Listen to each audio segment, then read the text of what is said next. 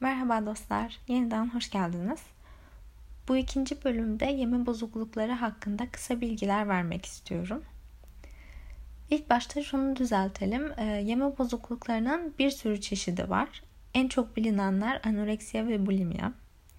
Anoreksiyanın hiç yemek yememe olduğunu düşünenler var ve bu böyle değil. Hiç yemek yemezsen ölürsün. Yani tabii ki bu hastalıklar öldürücü hastalıklar fakat e, anoreksiya hiç yemek yememekten daha karmaşık bir hastalık. Bana daha önce de dediğim gibi bulimia teşhisi konulmuştu. Ve o zamanlar e, klasik bir günüm nasıldı bundan bahsetmek istiyorum. Şöyle ayırabiliriz.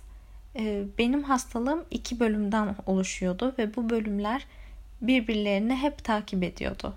Kısır bir döngü gibi. Kısıtlama dönemlerim vardı ve aşırı yemek yeme dönemlerim vardı. Normal bir günümden bahsetmek istiyorum. Klasik bir günüm.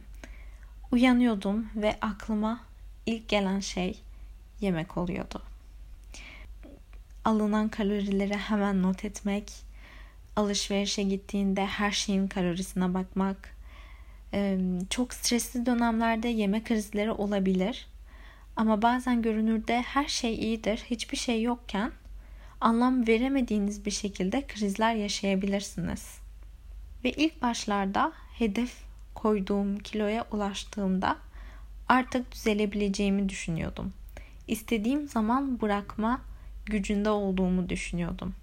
İplerin benim elimde olduğunu sanıyordum. Tıpkı sigaraya başlayan biri gibi, tıpkı herhangi bir bağımlılığa başlayan biri gibi istediğim zaman bırakabileceğimi, düzelebileceğimi düşünüyordum. Fakat öyle değildi.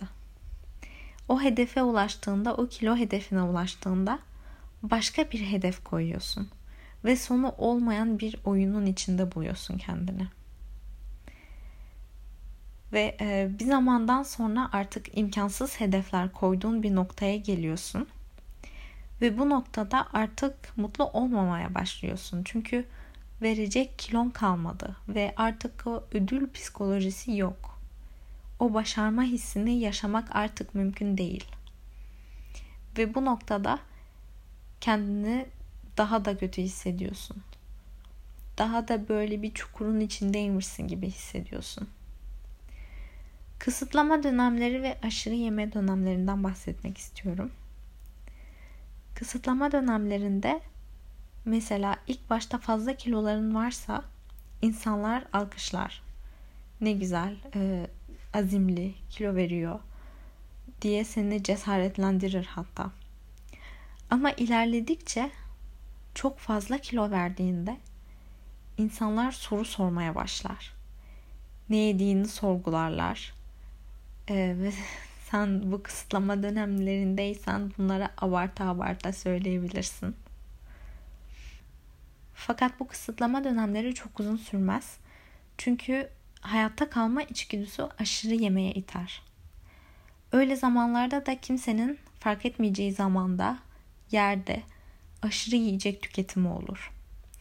Miktar vermek istemiyorum çünkü miktar verdiğimde bunun bir hastalık olduğunun farkında olmayan insanlar kötü düşünebilir veya kaba yorumlar yapabilir. İşte ben bir süre bu şekilde gittim. Bütün hafta çok sıkı diyet yapardım. Ama sonsuza kadar sürdüremeyeceğimin farkına vardım ve hem metabolizmayı hızlandırmak için, canlandırmak için hem de zaten dayanamadığımdan haftada bir gün ne istersem yeme izni verdim kendime. Tabii ki vücudum bunu kaldırmıyor. Midenin zamanla küçülmesinden dolayı kısmen. Ve kendini kusturmaya başlıyorsun. Şahsen en kötü zamanlarımda günde 5-6 kere kendimi kusturuyordum. Bu aşırı yeme dönemi bazen kontrol altındadır. Haftada bir kere dersin. Ama bazen artık o disiplinin dışına çıktığında, artık o döngüyü kaldıramadığında çok daha uzun sürebilir. Ve burada kilo almaya başlarsın. O kilo almaya başladığın süreç en zor süreçlerden biridir diyebilirim hastalığının. Çünkü orada aldığım her gramın farkındaydım. Ve çok hızlı bir şekilde vücudumun değişimi, değişimini gördüm. Ve bu değişime tahammülüm yoktu. Ve kilo alan yerlerimi oradan kesip kopartmak istiyordum. Hiçbir şey yapamıyorsun, yerinden kımıldayamıyorsun. Ayağa kalktığında hani fiziki olarak da hiçbir enerjinin olmadığının farkına varıyorsun. Tek yapmak istediğin şey oturup uzanıp kımıldamamak.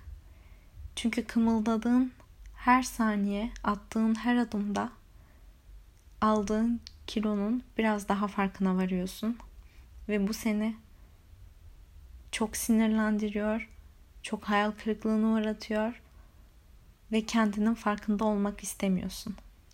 Ve bu his hastalığın en zor hissi diyebilirim. En azından benim için öyleydi. Bu bölümü burada bitirmek istiyorum. Bir sonraki bölümde bu hastalıkların sosyal hayatı nasıl etkilediklerini konuşmak istiyorum. O zamana kadar kendinize ve çevrenize iyi bakın. Görüşmek üzere.